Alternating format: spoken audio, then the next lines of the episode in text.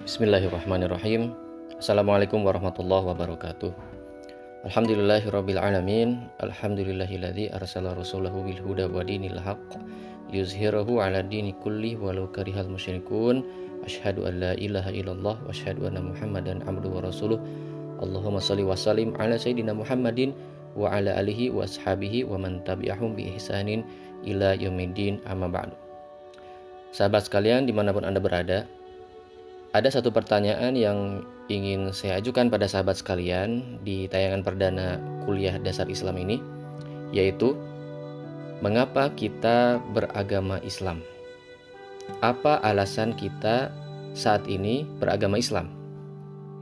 Sebelum kita membahas lebih lanjut, mungkin di benak sahabat sekalian bertanya-tanya, kenapa kita mempertanyakan pertanyaan ini? Barangkali di benak kita kita berislam ini memang sudah takdir misalnya. Itu yang pertama. Atau mungkin kita ini berislam karena memang sudah lahir di keluarga muslim sejak kita kecil. Namun sahabat sekalian coba kalau kita pikirkan. Kalau seandainya kita ini berislam karena kita ini lahir di keluarga muslim, maka bagaimana dengan orang-orang yang lahir di keluarga non-muslim? Bukankah menjadi tidak fair yang kedua, jika kita ini berislam karena takdir, lalu mengapa di dalam agama kita Allah Subhanahu wa taala mengancam bagi orang yang tidak berislam sampai akhir hayatnya, maka ia akan disiksa di neraka, dia akan masuk ke dalam neraka. Bukankah menjadi tidak fair semuanya ketika kita berpendapat dan kita berpemahaman bahwa kita beragama Islam karena misalnya tadi takdir atau misalnya karena memang lahir di keluarga Muslim. Oleh karena itu, sahabat sekalian, tidak bisa tidak bahwa kita ini beragama Islam dan juga orang-orang lain, misalnya beragama yang lain. Dalam hal ini, secara umum, kita beragama itu adalah sebuah pilihan, sebuah jalan yang kita pilih dalam hidup kita pada dasarnya. Walaupun memang wasilahnya bisa macam-macam, di antaranya adalah kalau kita di Indonesia misalnya karena mayoritas muslim, kita bersyukur alhamdulillah kita dilahirkan di keluarga muslim sehingga kita terjaga keislamannya sejak lahir. Kita terjaga untuk melaksanakan berbagai macam syariat Islam sejak kita kecil. Berbeda halnya dengan saudara-saudara kita yang lahir di keluarga non-muslim, kemudian dia menjadi muslim, dia menjadi mu'alaf. Sejak kecil dia tidak dididik dengan Islam, tapi dia menemukan Islam lewat proses berpikir dan saat itulah kita bisa melihat bahwa dengan contoh para mualaf tadi, ternyata Islam itu, agama Islam itu dianut dengan pilihan, dengan proses memilih. Nah, sahabat sekalian, kita akan merasa pertanyaan yang penting bahwa kenapa kita beragama Islam kalau kita dihadapkan pada eh, beberapa fenomena yang lazim terjadi di masyarakat kita. Misalnya yang pertama, fenomena ateisme. Apa itu ateisme? Ateisme artinya paham yang tidak percaya pada Tuhan, paham yang tidak percaya pada agama. Nah, di barat ateisme ini sangat marak ya.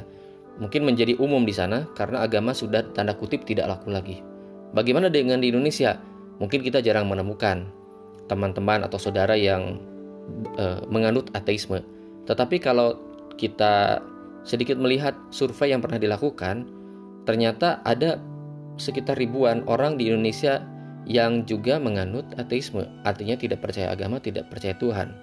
Maka ateisme ini bukan sekedar masalah orang barat. Karena ternyata sebagian orang Islam pun, sebagian saudara kita muslim, ternyata juga mereka menjadi ateis. Nah, maka menjadi pertanyaan, kenapa mereka memilih meninggalkan agama? Dalam ini hal ini, agama Islam yang mereka anut. Apakah mereka kurang punya alasan untuk beragama Islam? Itu yang pertama. Yang kedua, fenomena kedua adalah fenomena pindah agama.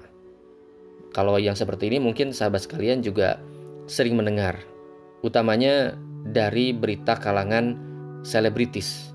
Misalnya ketika ada seorang perempuan muslimah, selebritis muslimah, menikah dengan laki-laki yang non-muslim, lalu dia ikut agama suaminya, maka dia pun pindah agama menjadi murtad.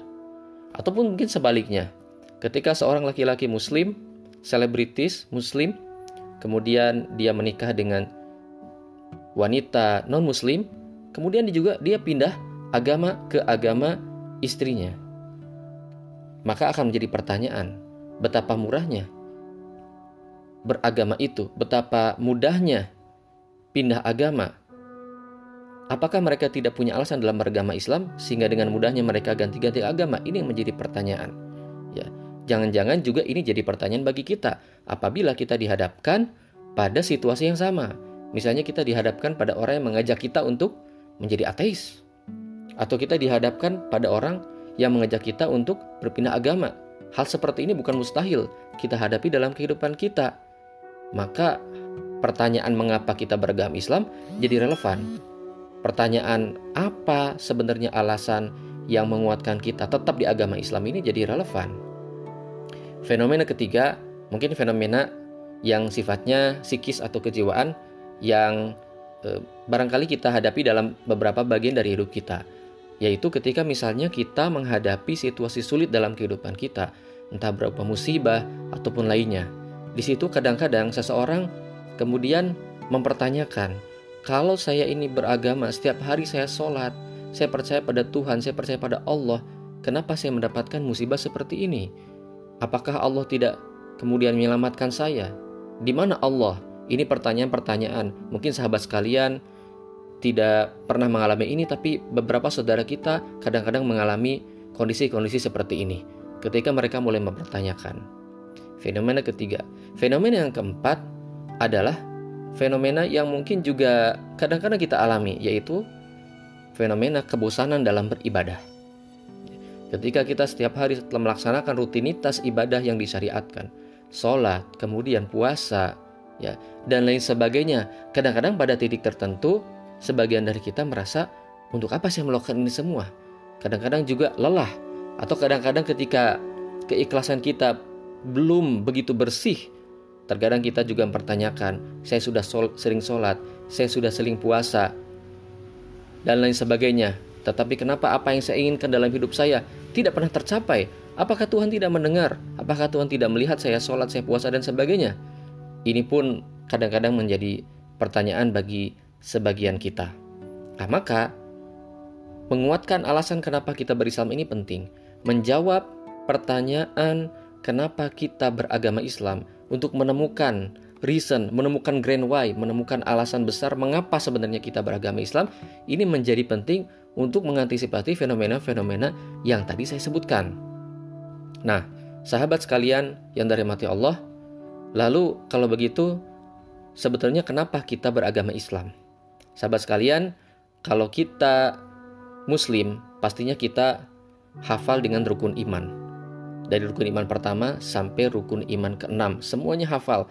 Bahkan boleh dikatakan Muslim yang ya tidak taat pun, yang mungkin ibadahnya masih bolong-bolong, juga mereka hafal uh, rukun iman Kasarnya kalau kita misalnya bertanya pada koruptor sekalipun, misalnya ketika dia mengaku beragama Islam, dia muslim, pasti dia hafal rukun iman. Nah, maka hanya sekedar hafal rukun iman ternyata tidak menguatkan keberislaman seseorang sehingga kadang-kadang dia juga lupa untuk beribadah atau kadang-kadang dia juga melakukan korupsi misalnya. Nah, oleh karena itu, kalau kita lihat rukun iman, maka kita bisa simpulkan bahwa landasan atau pilar atau pondasi dari keislaman kita selama ini ada pada tiga hal. Yang pertama, ada pada keimanan atau keyakinan kepada Allah Subhanahu wa taala sebagai satu-satunya Tuhan, satu-satunya pencipta dan satu-satunya sesembahan sehingga kita menyembah kepada Allah Subhanahu wa taala. Itu yang pertama. Yang kedua, adanya keyakinan kepada Nabi Muhammad Shallallahu alaihi wasallam sebagai utusan Allah. Oleh karena itu kita percaya pada beliau dan kemudian ikut ajaran Rasulullah Shallallahu Alaihi Wasallam. Dan pilar yang ketiga atau fondasi yang ketiga adalah keyakinan kita pada Al-Quran bahwa Al-Quran betul-betul berasal dari Allah Subhanahu Wa Taala dan isinya benar.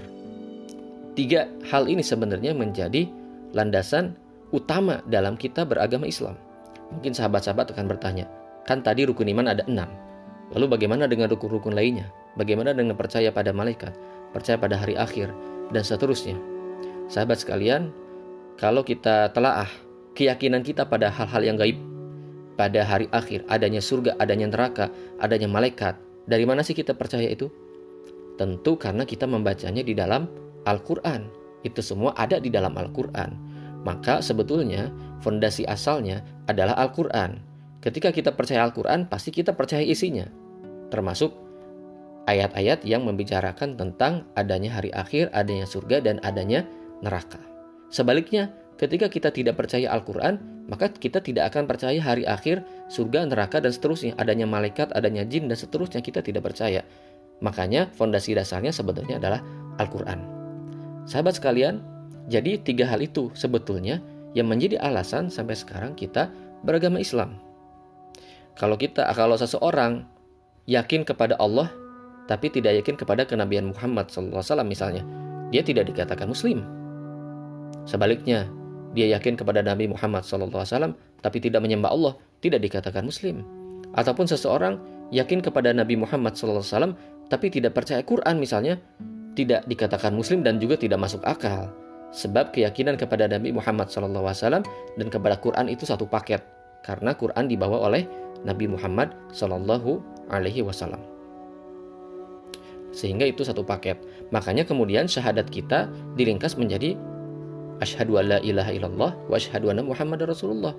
Keyakinan kepada Allah Subhanahu wa taala sebagai satu-satunya Tuhan yang disembah dan keyakinan kepada Muhammad Shallallahu alaihi wasallam sebagai utusan Allah. Rukun iman yang enam diringkas kepada dua hal itu saja sebetulnya. Namun kita mencoba memberikan poin lain, poin lain kepada Al-Qur'an sehingga menjadi tiga untuk memudahkan kita dalam pembahasan ini. Nah, sahabat sekalian, maka pertanyaan atau jawaban terhadap pertanyaan kenapa kita beragama Islam bergantung kepada apakah kita betul-betul punya alasan meyakini satu Allah sebagai Tuhan kita satu-satunya. Dua, bahwa Nabi Muhammad SAW adalah utusan Allah. Dan tiga, bahwa Al-Quran adalah benar dari Allah. Jadi pertanyaan kita beragam, kenapa beragama Islam, kemudian kita tarik lebih mendasar kepada pertanyaan-pertanyaan tadi. Maka ketika seseorang tidak punya alasan yang kuat kenapa meyakini Allah misalnya. Tidak punya alas, alasan yang kuat untuk meyakini bahwa Allah itu ada, Allah itu esa. Tidak punya keyakinan yang kuat bahwa Al-Quran adalah benar-benar berasal dari Allah. Tidak punya alasan yang kuat untuk meyakini kenabian Muhammad SAW, maka dia tidak punya alasan kuat untuk beragama Islam sebetulnya. Bisa dikatakan fondasi berislamnya rapuh, walaupun dia hafal rukun iman. Inilah yang terjadi di sebagian besar kita umat Islam. Kita berislam, kita beriman, itu hanyalah karena berbekal hafalan saja, atau karena berbekal ikut-ikutan saja. Tentu Islamnya sah, tentu imannya sah, tapi apakah kalau kita kembali pada kasus tadi, kalau kita di, di, dihadapkan kepada fenomena-fenomena tadi yang menjadi pertanyaan, apakah kita masih cukup kuat mempertahankan keislaman dan keimanan kita? Itu menjadi pertanyaan. Sementara saat ini fenomenanya, walaupun kebanyakan di masyarakat kita beragama Islam, tetapi mereka banyak mengikuti budaya-budaya non-muslim, bahkan sedikit banyak banyak meyakini keyakinan-keyakinan di luar Islam. Maka pertanyaan ini jadi penting sahabat sekalian dan menjawab pertanyaan ini jauh lebih penting untuk menguatkan landasan, untuk menguatkan alasan kenapa kita beragama Islam. Sahabat sekalian, di pertemuan yang akan datang, insya Allah kita akan memulai sedikit demi sedikit menjawab pertanyaan ini dengan menjawab pertanyaan yang pertama, yaitu apa alasan, apa landasan, mengapa kita meyakini Allah Subhanahu wa taala sebagai Tuhan kita satu-satunya, mengapa kita meyakini Allah Subhanahu wa taala sebagai satu-satunya sesembahan sehingga kita saat ini menyembah Allah Subhanahu wa taala. Sahabat sekalian, kuliah dasar Islam edisi pertama kita cukupkan sampai di sini. Insya Allah kita akan lanjutkan di pertemuan esok hari. Semoga bermanfaat. Wallahu a'lam bishawab. Al-afwa minkum. Wassalamualaikum warahmatullahi wabarakatuh.